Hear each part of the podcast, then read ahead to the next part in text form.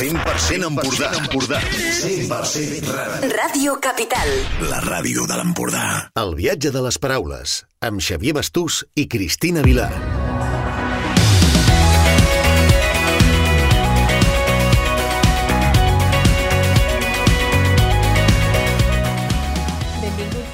Benvingudes al Viatge de les Paraules, el programa de llibres i viatges de Ràdio Capital. Som en Xavier i la Cristina de la viatgeria. La passió pels viatges i la lectura ens va portar a obrir una llibreria i agència de viatges a Calonja, que forma part del primer poble de llibres de Catalunya. Amb el viatge de les paraules volem crear un mapa de destins i lectures que us serveixin d'inspiració per escollir el vostre proper llibre o viatge. Recorrerem mons reals i de ficció a través de les novetats literàries i dels llibres de fons que s'amaguen als prestatges de les llibreries.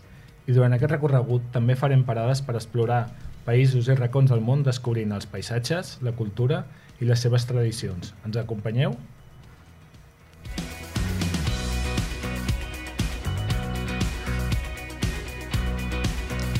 Com sempre, començarem amb la pila de llibres, un espai on proposarem les novetats dels últims mesos que més ens han agradat i ara que s'acosta Nadal, algunes recomanacions per demanar al tió o als Reis Mags.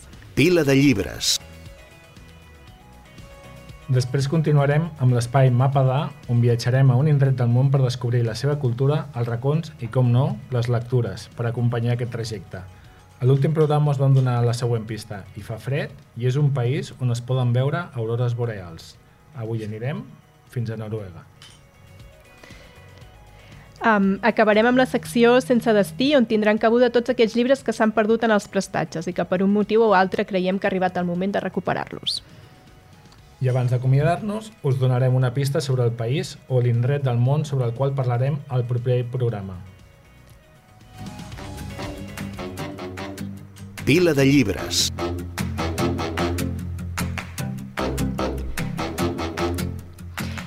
Saps què em passa amb els llibres, Xavi? Que crec que són ells que em trien a mi i no jo a ells. No sé si m'explico. De vegades, no sé per què hi ha un llibre que m'atrau més que un altre i quan el començo a llegir m'identifico amb la història o amb alguns dels personatges. Inclús em fa pensar en algú del meu entorn a qui li recomanaria o li regalaria. Creus que és normal això que em passa?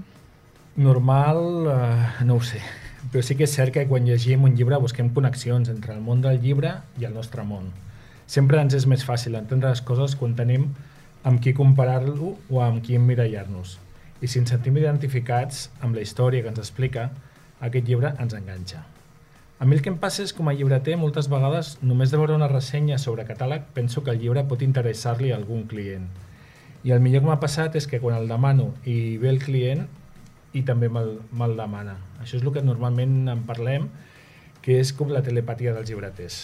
Potser el que em passa a mi no és normal, però el teu cas tampoc quedaria dintre de la normalitat. Il·lustra'ns avui amb la teva telepatia llibretera i recomana'ns llibres per aquest Nadal, que em consta que tant el tio com els Reis Mags els agrada molt regalar llibres. Ja sabia jo que se'm giraria feina amb aquestes bromes, però per sort avui ja venia preparat i porto una llarga llista de recomanacions tant pel tió com pels Reis d'Orient. Perfecte, doncs som-hi. Avui iniciarem amb la llista amb els viatges d'en Cabó, d'en Jordi Llompart i editat per columna. Els que ja tenim una certa edat, en Jordi Llompart l'associem a les notícies de TV3 dels principis dels anys 90. Posteriorment l'hem vist amb alguns programes de divulgació en el mateix canal i finalment fent documentals i cinema. Aquest llibre és un llibre biogràfic i el defineix com una crònica vital. Ens explica les seves primeres aventures com a jove periodista d'investigació va anar a Bolívia i va intentar copsar el moment que vivien políticament, el poder que tenia el narcotràfic i la connexió que tenia o relacions que tenien amb els Estats Units. També hi trobem després, posteriorment, aventures per Àfrica, on va estar fent de director de cinema i explorador, i és una faceta on professionalment ell ha sigut molt important. A Catalunya mai li hem donat el reconeixement que es mereix, però sí que internacionalment ha rebut molts premis, sobretot per les seves pel·lícules uh, d'IMAX. Després, uh, després uh, va continuar uh, amb aquesta part de, de cinema i, i més tard va, va, hi ha una part que parla de, de la seva part més personal una part on també ens transmet Uh, parla de quan va morir la seva filla en un accident a Namíbia o de la relació que va tindre amb en Pepe Rubianes, que es van conèixer en un viatge a Etiòpia i que van mantenir la relació fins que es van veure per última vegada pocs dies abans de la mort de, de l'artista. En definitiva, és una crònica d'una vida del que podríem qualificar un aventurer modern que ens obre el cor i la ment per reflexionar sobre la vida i el món. Molt interessant per actualitzar els nostres referents d'exploradors i aventurers que sempre els busquem fora de, de Catalunya. Me l'apunto perquè ja tinc una ment, en ment una persona a qui li podria interessar aquest llibre. Molt bé. Ara continuem amb més presentadors de TV3. Uh, ah, presentadors que tinguin faceta d'escriptor, està clar. En aquest cas parlem de l'Espartac Paran i del seu llibre autobiogràfic Tres desitjos abans de morir, editat per la Campana. L'Espartac comença relatant la seva experiència personal amb l'amor sobtada d'un germà que ell no va arribar a conèixer en persona, però sí que va conèixer a través del dol dels seus pares. La seva experiència és l'inici per explorar com vivim el dol a la nostra societat i ho comparar amb altres cultures i la forma que tenen d'entendre-ho. Eh, la meva sensació és que, tot i que parli del dol, parli de l'amor, no és un llibre trist, sinó que es parla d'un tema tabú a la nostra societat i ens costa una miqueta trobar-nos-hi. Eh, perquè en la nostra societat sembla que sempre hem d'estar feliços. Doncs sí, no? i més que s'acosta aquesta època, no? que sembla que hem d'estar contents en tot moment. Per quina proposta seguim? Doncs ara seguim amb un autor de l'Empordà, amb Vicenç Pagès Jordà i la seva obra pòstuma, Kennediana, eh, publicada per, eh, per Folk and Folk. En Vicenç va néixer el mateix any que assassinaven el JFK i sempre es va trobar a casa seva que es parlava tot sovint de la família Kennedy, gairebé com si fossin uns coneguts, uns familiars llunyans. Això va portar l'autor a tenir una obsessió per aquesta família. En tota la seva obra, d'alguna manera o altra, sempre se'n parla o se'n fa referència, fins que a la seva última obra només en parla d'ells. Podem dir que en Vicenç Pagès és una de les persones que més coneixia la història de la nissaga de, dels Kennedy. I a Kennediana aconsegueix donar la informació justa sense la necessitat ni la intenció de volcar tot el seu coneixement. Però també narra fets que d'alguna manera et fan dubtar com a lector si són reals o són inventats, perquè tot el, tot el llibre es mou entre la frontera del periodisme i la narrativa de no ficció. És un llibre que ens volarà de les mans, encara que no ens agradin els que, que no coneixem res d'aquesta família, uh, ens encantarà. Un altre llibre que m'anoto a la meva llista per regalar.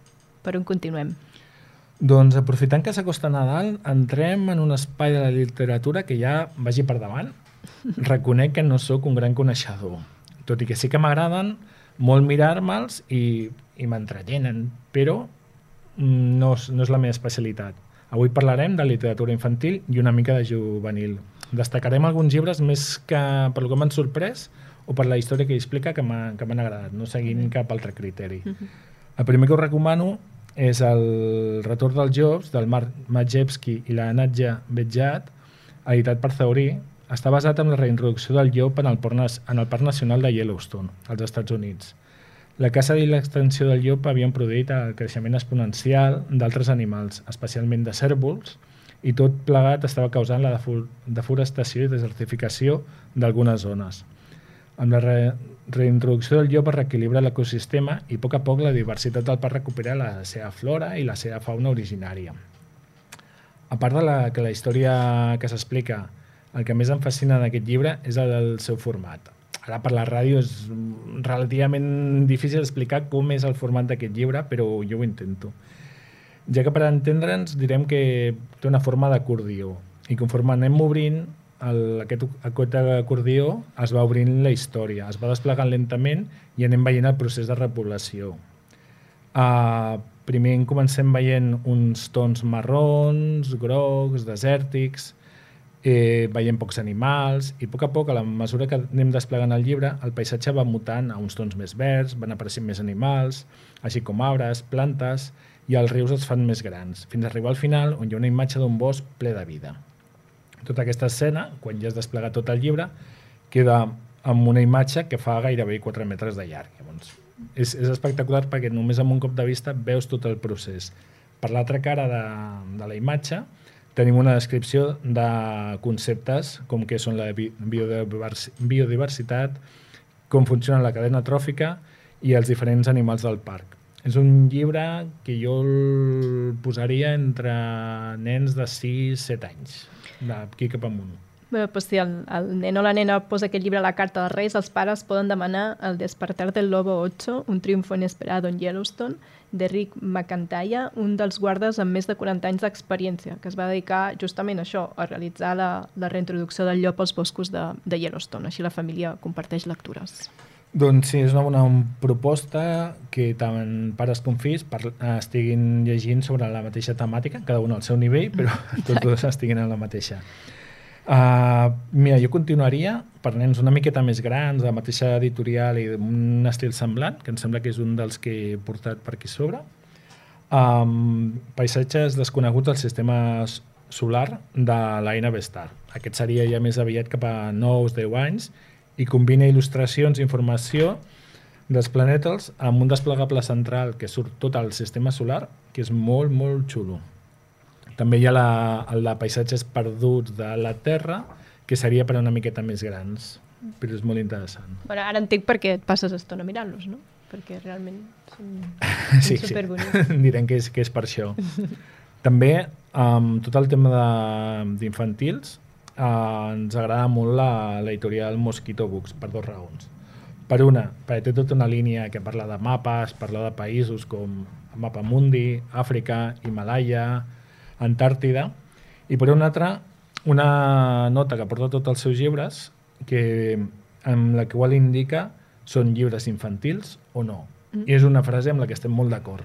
Bàsicament perquè dius, són llibres que van dirigits al públic infantil, però jo crec que els adults també els podem, els podem mirar.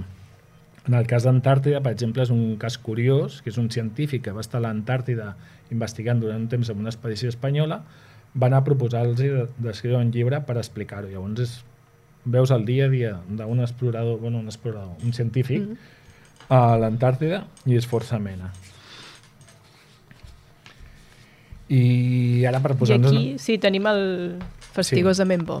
per posar-nos més divertits, anar a buscar la diversió, que està molt bé la part científica, molt bé veure la part de mapes, us presento la, el de Fastigosament Bo, que és una novetat amb la qual ja és un atlas culinari que viatja per tot el món proposant plats d'un de diferents racons del món, on a una banda són una delicatessen i a altres bandes del món és una cosa fastigosa. Vale. Sí. En, en aquest cas està molt bé perquè és una forma de viatjar a través del menjar, descobrint cultures i descobrint llocs. Tu, per exemple, Cristina, que has viatjat bastant, eh, quin plats típics has tastat així? Um, home, plats típics, jo intento tastar el, el, tots els que puc, però sí que a vegades no sóc molt agosarada amb el, tema, amb el tema. Aquí ara he vist algú com aus podrides, jo crec que això no, no. No, o sopa de sang, jo crec que això no m'ho menjaria. Per exemple, a, a Perú ho farien el cuy, que és com una mena de, de, de conill d'Índies i jo sí que no em vaig atrevir vaig dir, "Mm, m'estimo més no, no menjar-te tot i que és un dels seus plats tradicionals i a vegades sembla que els hi facis un lleig no? dient-los que no però sí que eh, el que destacaria sobretot és el gust de les fruites i les verdures quan són originàries, que aquí potser ens arriben sense madurar, per exemple la pinya, no? l'alvocat, ens arriben aquí amb condicions uh, diferents no? de les que es cultiven de les que es cultiven allà, per exemple a Xile, Perú, no? quan jo menjava l'alvocat allà era com això és una cosa diferent, no és el que estic menjant jo allà. I de fet, des de que jo el vaig provar allà, no n'he tornat a comprar mai més aquí, perquè no té, realment no té, no, no, no té el mateix gust. Així que és bo provar no? de cada cosa els seus plats, les seves, uh, els seus aliments eh, principals i quasi que em quedaria amb que aquí ens mengem les olives i, i a Perú l'alvocat. Doncs sí, cada, cada lloc les seves coses. Uh, perquè jo crec que descobrir la cuina de cada país és descobrir una part important de la, de la seva cultura. Sobre aquest tema, uh, no fa gaire llegia el Elogio de l'Hospitalitat de la Preia Basil, que ha editat Alfabeto, on parla de totes cultures, en què totes cultures, tant el menjar com el cuinar, com asseure's al voltant d'una taula, oferir una beguda o un dolç a una persona convidada, és la base tant de les relacions familiars com les de, amb els amics o com també a l'hora de fer negocis. Amb el tema de la gastronomia, jo, bueno, és un tema que, que es, em van sortint coses així com Cuina Barbària de la Maria Nicolau, el que hem menjat d'en Josep Pla, llavors és un tema que jo crec que es podria arribar a fer un... Podríem dedicar-hi un, una secció sencera, si et sembla. Ens apuntem per un altre programa.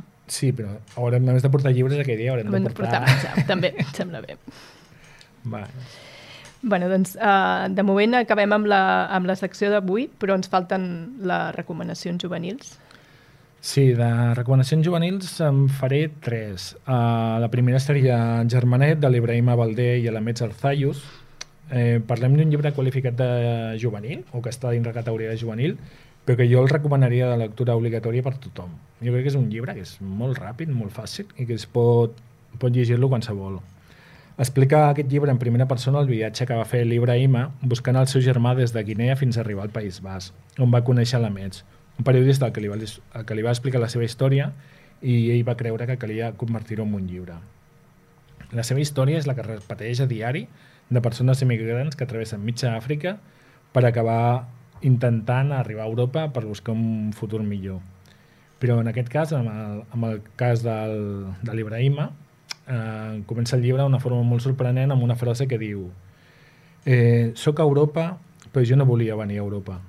És una història molt directa, molt impactant, que llegeix ràpid i que ens pot ajudar a entendre moltes coses de, del que passa posant-se amb la pell dels altres.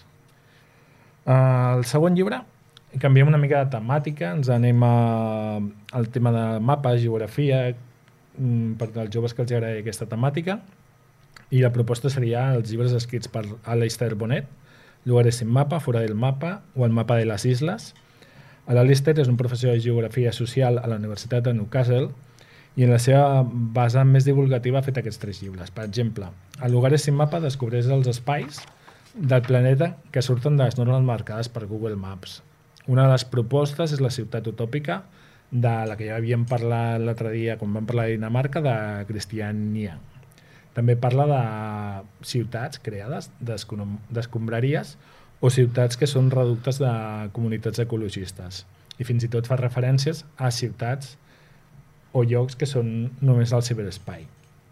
En el segon mapa, ai, en el segon mapa, en el segon llibre, a fora de- del mapa, continua reflexionant sobre els jocs peculiars que segueixen existint en el món. Parla de la ciutat més propera a Txernòbil, on ara hi viu gent, d'un antic cementiri on també està una comunitat vivint-hi. I en l'últim parla de mapes de les isles. Les illes han sigut i són uns jocs diferents, una mica desplaçats, autònoms de la resta del món i a vegades amb les seves pròpies lleis. Abans eren territori de pirates i ara són espais on podem trobar des d'illes que són presons, illes que encara es mantenen verges, illes amb lleis propes illes que són abocadors de residus ra- radioactius. I ja per últim, amb les recomanacions juvenils, acabaríem Azucre, que seria un llibre de la Viviana Candia, tindrà aproximadament un any des de que va sortir el llibre aquest, i està editat per Pepitas de Calabaza. És una història dramàtica, però encara sé, és més quan t'enteres que, que és un cas real. Ens situem al 1853 53 a Galícia, on en aquell moment patia, va ser un any amb una mala collita, uh, patien de fortes pluges i a més a més va, hi havia una epidèmia de còlera. Tot plegat fa que una gran quantitat de joves es posin els ulls en Cuba amb les, amb les plantacions de canya de sucre com a destí per trobar un futur millor per ells i les seves famílies. En aquell era el moment de fer les Amèriques i així ho van fer 1.700 gallecs que s'hi van anar-hi. Quan van arribar allà, es van trobar que havien sigut traïts i convertits en esclaus per un compatriota seu que residia a l'illa. Aquest fet històric, en el seu moment, de substituir la mà d'obra provinent d'Àfrica per persones, va ser un escàndol i va ser molt, molt, mm molt informat. En aquest cas, la- l'autora, la, la Viviana, eh, que abans d'haver publicat aquesta novel·la va publicar dos llibres de, de poesia, en la, a l'hora de fer aquesta novel·la se li nota. Ens dona una prosa molt poètica amb la qual ens aconsegueix eh, posar-nos amb el paper dels personatges, amb tot el seu patiment i amb tot el que va, van viure. És un llibre molt curtet, que jo crec que en una tarda està llegit, però molt, molt interessant. Molt bé, doncs crec que de moment tenim prou recomanacions de cara a Nadal. Al proper programa seguim amb, amb més propostes, si et sembla. Ens pots fer ja algun spoiler d'aquestes propostes? Uh, sí. La setmana que ve parlarem del llibre que posa nom en el programa. En el nostre programa. Sí, el Ah, viatge de les paraules. Doncs esperarem el proper programa. Can't you stay? Stay with me into the night. Stay, I need you close. You can go back when the sun rises again. Just stay Mapa de- tonight. Just? En el primer programa parlàvem de Dinamarca com un dels països més feliços del món i avui anem cap a Noruega. El model nòrdic, caracteritzat pel seu benestar, la sensació de llibertat dels seus habitants i unes bones condicions laborals fa que Noruega estigui entre els deu països més feliços del món. Cristina, no ens estaràs fent una ruta encoberta dels països més feliços del món? No, però t'agafo la idea. Sens dubte, el nord d'Europa seria una de les zones més visitades. Saps que també tenen una paraula per anomenar la felicitat, o com ells diuen, el, el moment perfecte. Sembla que competeixen una mica amb Dinamarca i amb el seu Hiwa, que parlàvem en el primer programa. Ells l'anomenen cos. I, de fet, ja que estem al viatge de les paraules, avui us parlaré del friluftsliv, una paraula típica noruega. També coneixerem el paisatge, la cultura la, i la història de Noruega. Farem una ruta amb transport públic per alguns llocs més destacables del país i atents i atentes perquè parlarem de l'experiència de veure i fotografiar aurores boreals. Finalment, també, evidentment, recomanarem alguns llibres interessants. Doncs som-hi. Noruega és un país que la seva situació li dona una configuració geogràfica amb recursos naturals espectaculars. A tots ens venen al cap els fiords, les cascades o, o les glaceres. Podríem dir que per aquells qui són, tindrien ganes de veure glaceres i no volen anar tan lluny com a la Patagònia, que parlàvem a l'anterior programa, Noruega pot ser una bona opció, ja que part del país toca el cercle polar àrtic, amb la diferència que aquí ens podem trobar ossos polars. Més perillós. I com deies, també es poden veure aurores boreals, no? Doncs sí, és un fenomen que, d'una manera molt resumida, es produeix quan les partícules carregades procedents del Sol xoquen amb el camp magnètic de la Terra. Es carreguen d'energia i quan l'alliberen ho fan en forma de llum. Les aurores tenen formes, estructures i colors molt diversos que més canvien ràpidament amb el temps. De cop, la totalitat del cel es pot omplir de bandes, d'espirals i, i raigs de llum que tremolen i, i es mouen molt, molt ràpidament i tan ràpid com arriba pot marxar. I, i aquest una mica la, la, és l'encant no? d'aquest fenomen, que són impredictibles, que d'aquí apareixen, d'aquí se'n van, i això, que poden durar des de pocs minuts fins a, fins a diverses hores. Jo no he tingut la sort de, de veure-les, però sí que hem parlat amb una persona que ha tingut la sort uh, d'estar allà i, i ens ho ha explicat. Llavors, quan, quan parlem de les Illes Lofoten, un lloc que és ideal per veure-les, l'escoltarem. Va, eh, pel que comentes, gran part de l'encant de Noruega és natura i paisatges? Sí, de fet, els, els noruecs viuen molt a l'aire lliure i practiquen diferents tipus d'activitats sempre envoltats de, de, de natura. I aquí m'agradaria introduir la paraula que, que et comentava al principi, complicada de dir també, el friluftsliv, uh, que realment no té traducció. Podríem dir que, que descriu el benestar espiritual i físic que ens aporta passar temps a llocs remots, com, com una manera de desconnectar de l'estrès uh, quotidià i sentir-se part de la natura. En el fons, és una filosofia de, de vida.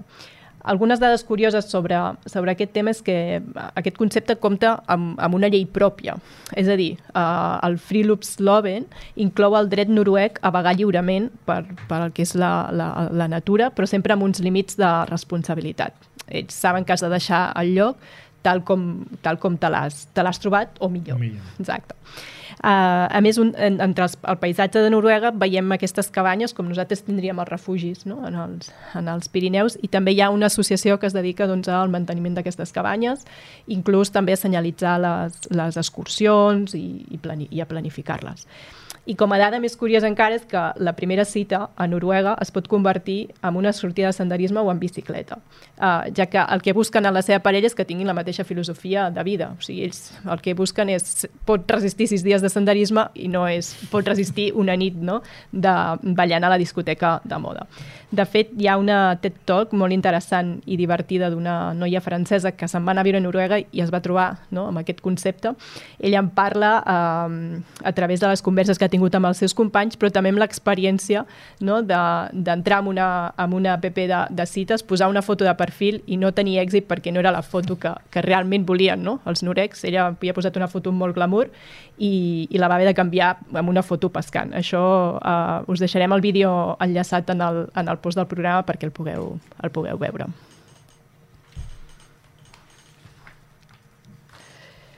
Tu, Xavi, tu sobreviuries a una primera cita a Noruega? Doncs ho estava pensant eh, ara. De... Igual que la francesa, jo crec que s'hauria de fer una miqueta de canvi de, de Aquesta format. foto. Mm. Però jo, si puc escollir un bon dinar, un bon sopar... com, molt bé, com a bon català. Però bé, deixant de, de banda la part més divertida i, i curiosa d'aquest tema, el, el fet que tinguin aquesta passió per la natura fa que la respectin. Són un país avançat en temes de posar en pràctica la sostenibilitat, sobretot per la, per la protecció de l'entorn. Per tant, aquests països que estan avançats amb aquests temes de sostenibilitat en el, en el seu dia a dia també tenen més eines per poder oferir opcions de turisme sostenible. Per exemple, podem fer una ruta uh, pel país amb transport públic o bé trobar aquells destins dins de Noruega que tenen el segell de destí sostenible. Però també ho deixen ben clar i no pretenen fer greenwashing amb aquest tema. Ells saben que um, ser sostenible al 100% és, és, és impossible i costa molt, però sí que estan en el camí d'aconseguir-ho. Parles d'això del tema dels, del segell, les certificacions, etc. I sí que s'ho prenen en sèrio, no? O trobem algun tipus de segell en els allotjaments i en les activitats que es fan? També, en, en aquest cas trobarem el segell Green Travel i dins d'aquest s'inclouen certificacions com l'Ecotourism Norway, que és un dels, una de les certificacions que té uns requisits més alts per, per reduir l'impacte sobre el medi ambient. Per tant, a Noruega ens podem fiar bastant quan veiem certificacions de turisme sostenible perquè s'ho prenen seriosament. Mm. Ens has situat a Noruega i hem parlat de com són els seus paisatges. Què en sabem de, de la seva cultura? Noruega se la coneix pel seu passat sami i pels vikings i també per una gran col·lecció de llegendes al voltant de la mitologia nòrdica. Mm. Sembla que els primers pobladors van ser els sami, que vivien per, per sobre el cercle polar àrtic, bàsicament a Noruega, Suècia, Finlàndia i Rússia. Els samis van poblar una regió coneguda tradicionalment com Sápmi, que és el que nosaltres la coneixem Lapònia, eh, que Noruega està formada per els comtats que estan més, més al nord. El que, el que passa que els samis no els hi podem dir lapons, per ells és despectiu, són samis. I, i ells es dedicaven a, a ser caçadors nòmades i també pescadors, per tant depenien molt del món natural i el que feien era seguir el, el, els ramats de rens salvatges. Per ells la cria de rens era una de les seves activitats principals, del qual n'aprofitaven totes les parts, des de per aliment com per, com per vestir. I els Sami també consideraven el tir amb arc una habilitat essencial, ja que eren caçadors. Però encara segueixen vivint d'aquesta forma i caçant i tot això? no viuen de la forma més tradicional, costa molt ja veure uh, un sami vivint d'aquesta manera com, com vivien abans, però sí que existeix una població aproximada de 80.000 persones sami, repartides entre Noruega, Suècia, Finlàndia i Rússia, que és d'on provenien. La meitat d'aquestes 80.000 persones viuen a Noruega i molts d'ells doncs, s'han anat desplaçant ja cap, a, cap, a, cap al sud no? i viuen a, a centres urbans com Oslo o, o als voltants. De totes maneres, segueixen mantenint vives la, les seves tradicions que van passant de, de generació en generació. Però d'aquestes tradicions que van passant de generació en generació, quines podem veure o quines tenen? Uh, actualment encara podem veure la seva artesania, que és un dels seus punts forts. Ells creaven els seus propis vestits, els utensilis, els accessoris, uh, ho creaven a mà. De fet, el vestit típic, el kofte, es manté viu i, i l'utilitzen doncs, quan hi ha un casament o, o un esdeveniment cultural. Les cançons Sami també encara es mantenen vives. De fet, les, la cançó que escoltàvem al principi és Spirit in the Sky, de Keino, i representa aquesta part de la cultura del, del cant. Uh, L'únic que l'han unit amb aires de, de modernitat. I, de fet, es va presentar aquesta cançó a, a Eurovisió. S'assembla a les que presentem nosaltres, no? Més o menys. com més al nord, trobem activitats turístiques que ens ensenyen com vivien no? i com segueixen vivint el, els samis, per exemple, a Tromso o, o al Cap Nord. Però també a Snassa, que seria com al sud del nord de, de, de Noruega. Allà trobem el museu i el centre cultural sami que ens ajudarà una mica a entendre uh, aquest món. I com a curiositat, tenen el seu propi Parlament, a través del qual poden lluitar pels seus drets. El govern noruec ha delegat algunes de les competències, bàsicament les que afecten a la comunitat sami, sobre les quals ells poden actuar. I de Noruega també són els vikings?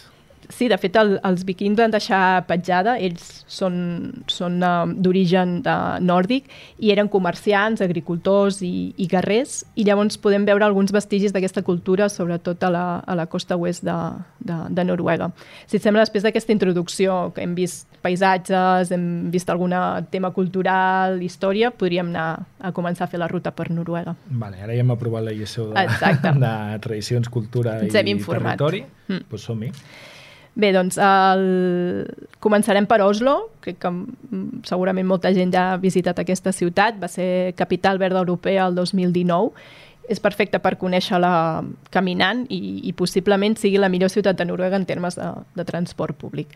I si realment la, la volem conèixer bé, la millor manera és fent una ruta amb un guia local que ens transmeti la seva passió per la ciutat natal, poder gaudir de les històries que ens pugui explicar, aprendre sobre la cultura i també conèixer els llocs que, que la gent local li agrada visitar. I a Oslo també es troba el Museu Munch, no? on es troba el famós quadre de el Crit, Mhm. també conegut com la imatge del Watson. Aquest, no? Que sí. Sí, sí, Va. a més aquest museu també té altres exposicions d'art contemporani internacional, així que és, és uh, indispensable fer-li una visita. I, I un cop ja hem, ja hem vist Oslo, um, agafem el primer, el primer tren uh, fins al fiord Andalsnes. Aquest viatge inclou la línia ferroviària de Rauma. És una de les rutes amb tren més boniques d'Europa. Aquí podem tenir dues opcions, o admirar el paisatge, sentar-nos i admirar el paisatge, o bé fer fotos, perquè realment és molt bonic. El trajecte dura una hora i 40 minuts i ens porta per les muntanyes que envolten la localitat de Dombas i allà és justament on, on passarem la, la segona nit. I un cop hem visitat aquesta zona, l'endemà agafem un autobús local i eh, farem la via Trollstigen fins al, al Geiranger. El viatge transcorre per una carretera de muntanya amb moltes curves. Jo crec que molts de vosaltres la teniu al cap o perquè hi heu estat o perquè l'heu vist. Són anuncis, no?, publicitat. Surten uns, exacte, és com moltes, moltes curves. Ells li diuen que seria la- la- l'escala del troll i, i un cop arribes a, a dalt el que pots veure és una vista impressionant del, del fiord uh, Geiranger que està protegit per la UNESCO i, i, i el veiem com envoltat amb, cost, amb muntanyes costerudes i, i moltes cascades. Llavors entenc que la part del fiord és molt bonic de veure, però hi pots fer algun tipus d'activitat? Sí, a, a més a més d'admirar-lo, um, també podem fer una ruta guiada amb caiac que, que inclou una visita a la granja local, o sigui, agafem el caiac, fem, fem la ruta per al, per al fiord, parem, anem a la granja, mengem, la, la visitem i després durant el recorregut podem veure llocs impressionants com la cascada de les set germanes, que són set corrents d'aire d'aigua que cauen d'una alçada de, de 250 metres. I una manera diferent també de gaudir d'aquest fiord eh, és fent un creuer. I és just el que proposem per arribar a, a la següent destinació, un cop ja aquesta zona ens la, en la coneixem, arribem fins a Alessund. Aquesta és una ciutat, eh, podríem dir que és un centre cultural, eh, amb una gran varietat de museus, a més també hi ha un parc marí, un far i, i els carrers doncs, són encantadors, es pots explorar a peu i a més a més hi ha moltes activitats per fer a l'aire lliure com senderisme o, o el paddle surf, així que a la gent que li agradi el senderisme aquí recomanem pujar a l'Axla on podreu gaudir d'unes vistes espectaculars de la, de la ciutat. Però per aquells que els agradi veure coses més o descobrir coses més um, genuïnes, poden anar fins a Ona, que és una petita illa. Um, és un poble pesquer tradicional, eh, és, podem dir que és el més austral, i té una població permanent de 25 persones, o sigui, és molt, molt, molt petit. Veurem també un taller de ceràmica i, i una petita botiga. Mm. Bé, Alessur és la ciutat que es va cremar i la van reconstruir sí. tota Exacte. amb Mar Nouveau, el que nosaltres coneixem com modernisme, Mm. i que et sorprèn tot el cas d'Antipa i dius, tots són edificis mm, d'Art Nouveau. Exacte, sí, sí, sí. Sí. Va, doncs tornem a anar al poble pesquer on aquí passem la nit. No, avui, eh, en comptes de passar la nit a terra, passarem la nit a bord del ferri per anar fins a Floro. És una manera excel·lent d'experimentar el paisatge tranquil de la nit pel fiord i, i a més a més, quan ens despertem a l'hora d'esmorzar podem gaudir de les vistes des de, des de bord del vaixell. I per tant aquí eh, al matí arribem a Floro, agafem un ferri local i després un autobús fins a Calbac, que és un dels pobles pesquers més ben conservats del món.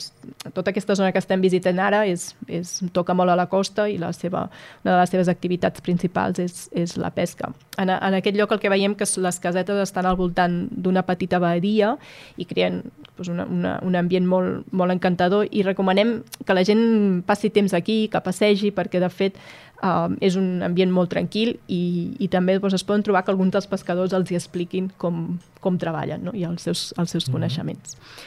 I l'endemà agafem un altre autobús local, un altre ferri, des de Calbac fins a arribar a Berlande, i avui eh, el que farem serà una ruta en bicicleta per activar-nos una mica entre Berlande i, i Volandet, passant per al centre d'Aus Marines. Durant el camí tindrem vistes al mar, a les illes, inclús els ponts que connecten les diferents comunitats eh, illenques i a la tarda ja d'alguna manera deixarem tota aquesta zona que és més uh, de mar, més pesquera per arribar fins a Bergen, que és una altra de les ciutats importants de, de Noruega. Allà hi passarem la nit i l'endemà farem una ruta per la ciutat amb un guia local que també ens, ens explicarà les històries de la ciutat, com és la vida a Bergen i, i la cultura noruega. Una manera de conèixer els secrets de la ciutat que pel teu compte, compte potser no, no trobaries. I em sap greu, però ja estem al final de la ruta han passat els dies, només ens queda agafar un ferri per navegar pel fiord més llarg i profund de Noruega, que és el Sogne. És un viatge de 5 hores, o sigui que ens podem tranquil·lament assentar, gaudir del, del paisatge i ens portarà fins a Flam. I, i allà és on, on podem agafar el, el, el ferrocarril de Flam, que també és molt famós perquè fa un dels recorreguts amb tren també més bonics del, del món. I ja només ens quedarà agafar un últim tren per tornar a Oslo.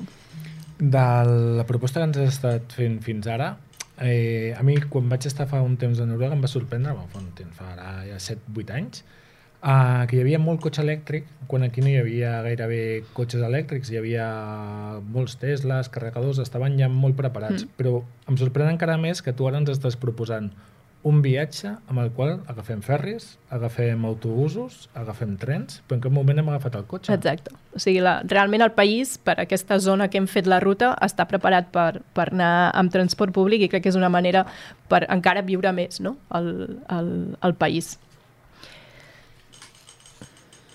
I sabem que, que, que moltes persones, eh, tot i que aquesta ruta la podem fer, per exemple, eh, quan arriba el bon temps, eh, moltes persones volen veure les aurores boreals. I un dels llocs on les pots veure, i a més és bonic, són les illes Lofoten. Un lloc que tinc a la meva llista de pendents per visitar.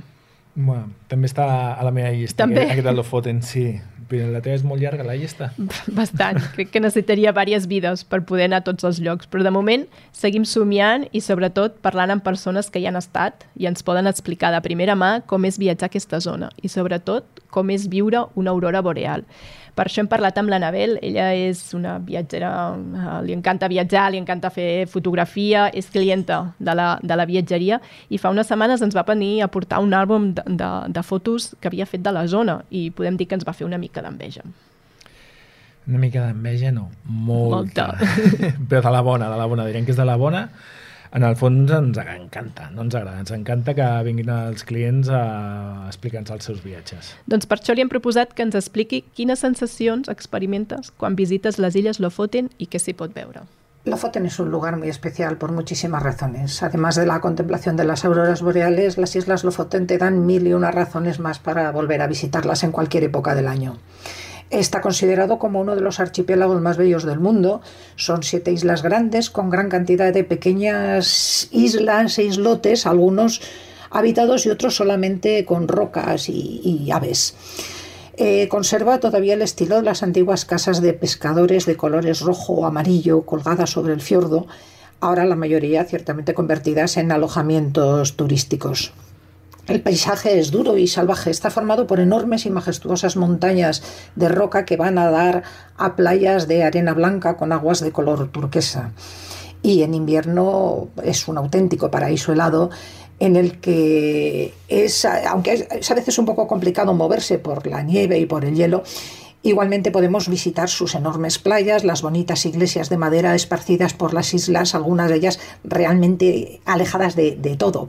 Degustar su gastronomía y, por supuesto, y sobre todas las cosas, la inmensa magia que nos guarda la noche polar. Com, com diu la, la Navel, la nit polar és una de les més màgiques, sobretot quan podem veure aurores bore- boreals. Escoltem com és viure-les en directe. Observar la aurora boreal es realmente una experiencia mágica. Pocas emociones son comparables a la contemplación de ese espectacular fenómeno natural que literalmente te deja sin aliento. Es muy complicado explicar las sensaciones.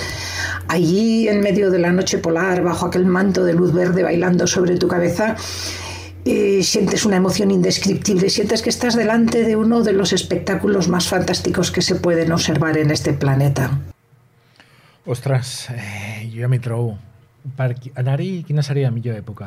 També ens ho explica la Navel, així com quines són les millors condicions per veure-les. Normalmente la época mejor para, para visitar auroras es de los meses de octubre a marzo, por haber más horas de oscuridad, lógicamente. Aunque fuera de esa época, excepcionalmente también pueden ser vistas en algún momento. A partir de cuando cae la noche, el- si las condiciones son las idóneas, el cielo del Ártico pues bueno, se llena de la magia y los colores de la aurora. Necesitaremos, lógicamente, tener el cielo despejado y si no hay luna, pues mejor. Y todo y que tiene mucho de impredecible, es posible prever, la actividad solar eh, con algunos con muy pocos días de antelación. Y luego existen también algunas aplicaciones que no son muy útiles ya sobre el terreno, pues para ir viendo la previsión a muy corto plazo, a horas, y planificar nuestra noche si decidimos salir, pues eso, a ver si hay suerte y a la caza de las auroras boreales. Aleshores, eh, si jo vull fer una fotografia, la puc fer amb el meu mòbil o necessito tot un equip fotogràfic? Jo crec que necessites tot un equip fotogràfic, podries arribar-les a fer, suposo, que amb el mòbil. També ella ens ha donat bons consells, ja que sap quina és la millor tècnica, també quin és el millor equip, però el més important, i que va recalcar, és que anem ben abrigats i ben calçats, ja que les temperatures de la nit polar són bastant baixes. Inclús recomana portar grampons per evitar relliscar. I un cop tinguem això cobert, és a dir, la nostra seguretat, la temperatura, ja podem passar a l'equip fotogràfic. Escoltem-la. Lo ideal sería llevar una cámara reflex o, eh, si no la tenemos, una compacta con opciones avanzadas que pueda disparar en formato RAW. Eh, necesitaremos un disparador eh, de cable, un disparador a distancia, un temporizador, para poder planificar las exposiciones largas. Lo ideal es llevar una lente gran angular. Contra el ángulo sea más abierto, tendremos más profundidad de campo y además eh, podremos componer mejor con el paisaje y el, cielo. Lógicamente necesitamos un trípode. Sí o sí, la, fotografía nocturna necesita de- del trípode. También necesitaremos linternas o frontales, luces frontales, pues porque en algunos momentos la aurora puede ser muy luminosa, pero habrá momentos en que necesitaremos luz para ver qué estamos fotografiando y el terreno por el que nos estamos moviendo. Las baterías es importante llevar más baterías de repuesto porque con el frío las baterías se descargan mucho más fácilmente, entonces duran muchísimo, muchísimo menos. Y una vez empieza la aurora boreal, pues hacer pruebas en cuanto a tiempos de exposición y tal, según se va moviendo la luz, según vamos, nos va cambiando el espectáculo, pues tenemos que ir adaptando los tiempos de, de exposición. Es un poco al principio una prueba-error y después, bueno, ya te vas moviendo con los parámetros que ves que vas necesitando. Doncs fantàstics consells de l'Anabel. Si no fem bones fotografies, no serà per falta de bons consells. Exacte. Agrair des d'aquí la, la seva ajuda uh, per donar-nos consells per a viatjar a l'Eslofoten. I què et sembla si ara passem a que ens proposis llibres, que també és una forma molt xula de viatjar? Perfecte. Comencem per Una mujer en la noche polar, de la Christian Ritter, que està editat per Planeta. És un clàssic de la literatura de viatges. Seria com una mena de diari on la- on l'autora ens va explicant com, com és viure en una petita cabana en un fiord solitari de l'illa àrtica de Spitsbergen. De fet, és un viatge que el que volia, el volia fer és el seu marit i ella decideix acompanyar-lo, malgrat que tothom li diu que es quedi. Ella és d'Àustria, que, que què farà una dona allà, només que només és un lloc d'homes, tan solitari, i a més el seu home anava a, a caçar. És un viatge que inicia el 1934 i l'autora ja ens parla de feminisme, o també del, del moviment animalista. La Christiane Ritter era pintora i es va convertir en escriptora quan va volcar tot el que va viure durant un any a l'Àrtic en aquest llibre. No només es va poder dedicar a la vida contemplativa, ja que pots imaginar-te la vida en una cabanya, en un fiord allà solitari, doncs és molt complicada, tant per aconseguir menjar com per suportar un temps extrem. Veiem com al principi li costa adaptar-se perquè enyora el seu país natal, però a poc a poc es va integrant i, i va reconeixent la bellesa dels paisatges, de la natura i, de fet, en les seves descripcions podem veure com, com ens transporta fins a aquest tros de món solitari. La veritat és que tant Spitsbergen com Svalbard són dos jocs espectaculars per a autèntics aventurers i aventureres. Per exemple, Svalbard ens hi podem trobar Mossos Polars i és un dels jocs del món on no es pot està prohibit morir-se. Perquè no deuen poder venir a buscar, no? Segurament. Complicat. Bueno, és, és més per la descomposició dels cadàvers, que no es descomposen. Mm, Vale. doncs seguim amb un llibre que recull relats d'escriptores noruegues contemporànies. Es tracta de Mujeres de los Fiordos, que l'hem l'hem portat aquí. Està editat per Nordica Libros. Amb aquest llibre ens acostem a la literatura noruega a través de 10 relats pels quals el nexe comú són les relacions humanes. Per tant, hi trobarem com reaccionar els personatges davant de certs episodis. En alguns casos pensarem que són molt freds i en altres, en canvi, alliberarem certs prejudicis que tenim cap a la societat nòrdica. D'aquesta manera coneixem la cultura, però també les emocions, molt important per entendre el comportament de les persones quan viatgem a un país diferent del nostre. Com a curiositat, dic que cada relat està traduït per 10 traductors i traductores diferents. I el següent llibre que us porto és del 2020, escrit per la Kiran Milwood. L'autora s'inspira en uns fets que van passar l'any 1621, quan vuit dones van ser sotmeses a judici per presumptament conjurar una tempesta que va acabar amb la vida de tots els homes d'una illa. Estaven tots pescant, va haver la tempesta i es van morir tots. I aquest és el fet que inicia la novel·la i que situa a la illa de Bardo, a Noruega, que es converteix en el fons una illa, una illa de dones i són elles les que governen i les que s'han de, de sortir endavant. Fins que arriba la figura d'un home que el que vol fer és acabar amb aquest matriarcat, és una espècie de caçador de bruixes, i com que no està ben vist que les dones es puguin valdre per elles mateixes, ell sospita que això és, és bruixeria. I també apareix en escena la dona del comissari, aquest home que visita la illa, um, que troba en Maren, que és la, la protagonista de la, de la illa, una còmplice i una altra manera d'entendre les relacions. Hem seleccionat també aquest llibre perquè trobem algunes mencions a la cultura sami, com dèiem anteriorment, que en aquells anys estava amenaçada per la, per la religió cristiana. I la, la literatura noruega també pot ser divertida, per això us vull proposar Doppler, de la- de l'autor Arlan Loe. Jo aviso que no és un llibre que, que agradi a tothom, el protagonista és d'estones excèntric, però, però així també veiem una altra cara de la literatura noruega que sempre l'emmarquem amb aquelles relacions fredes o amb la novel·la negra. Amb aquest llibre veiem un exemple de l'humor noruec i per això doncs, com deia al principi, ens pot costar d'entrar. Hi ha lectors que han empatitzat amb el, amb el protagonista i altres que no. Podem dir que el protagonista té la vida perfecta nòrdica i fins que un dia decideix deixar-ho tot i anar-se'n a viure sol en un bosc. Darrere tot el que li passa, de totes les situacions surrealistes que, que, que l'autor defineix, realment al darrere hi trobem un missatge sobre la realitat del consumisme i, i què vol dir l'èxit personal. Per tant, la ironia està barrejada amb la, amb la crítica social. Mm -hmm i acabarem amb un assaig que es diu Gente casi perfecta, que ens qüestiona la suposada felicitat dels països escandinaus, que hem vingut parlant no? durant aquests uh, dos programes. Sempre diem uh, que no ens hem de quedar amb, amb el que veiem, sinó que hem d'investigar la realitat que s'amaga al darrere i llegir és una bona manera de, de descobrir-ho. Qui ens diu que un rànquing de la felicitat és la veritat absoluta? En aquest llibre el periodista Michael Booth es fa preguntes com, per exemple, si realment són tan feliços els, els, els, els danesos, si són els que paguen els impostos més alts de, del món, o també si els països nòrdics són tan ecològics com diuen, tenint en compte que Noruega, per exemple, és productor de petroli. Així que acabem el viatge de Noruega amb aquestes reflexions. Doncs bones recomanacions. Gente casi perfecta, eh, Doppler, Vado, mm, de Mujeres Mu- de los fiordos... no està gens malament. Un bon uh, viatge per tota Noruega. Moltes gràcies per aquest viatge.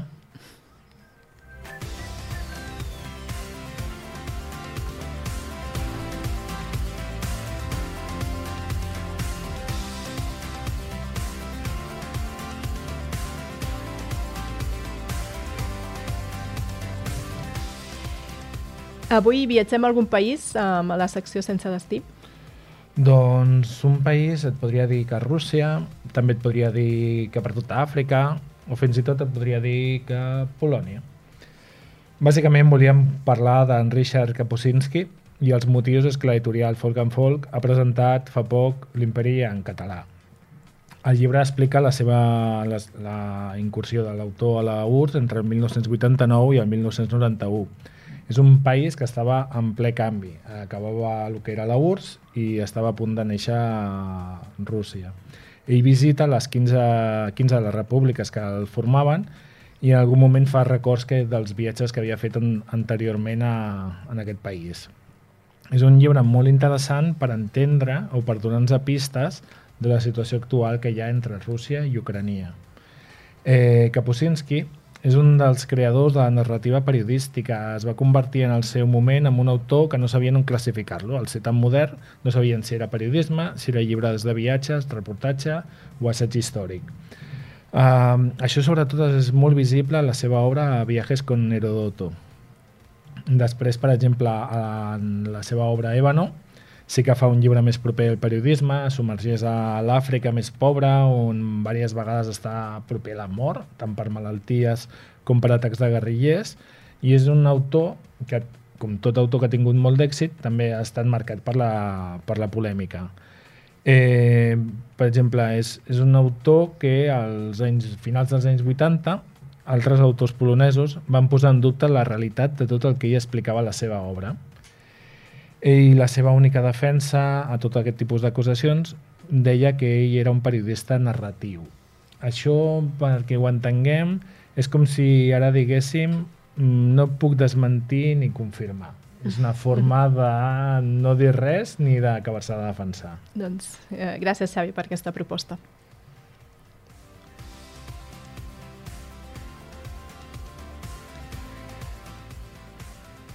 Doncs si ja estem acabant, ens falta una cosa, ens falta la pista, no? Doncs sí, on, on viatjarem al proper programa, deixem el fred, perquè jo crec que ja estem una mica farts, i anirem a un país que fa calor i que es defineix amb la paraula teranga. Amb aquesta pista acabem el viatge a les paraules d'avui. Recordar-vos que sempre que pugueu compreu els llibres a les vostres llibreries de proximitat. Moltes gràcies per acompanyar-vos, esperem que us hagi servit d'inspiració. Gràcies a l'equip de Ràdio Capital podeu escoltar els podcasts dels programes a la seva web i ens podeu trobar a les xarxes socials com la viatgeria o venir-nos a visitar Calonja al carrer, al carrer de la Rutlla número 12, on us podem recomanar llibres i destins per viatjar. Gràcies i fins al proper programa.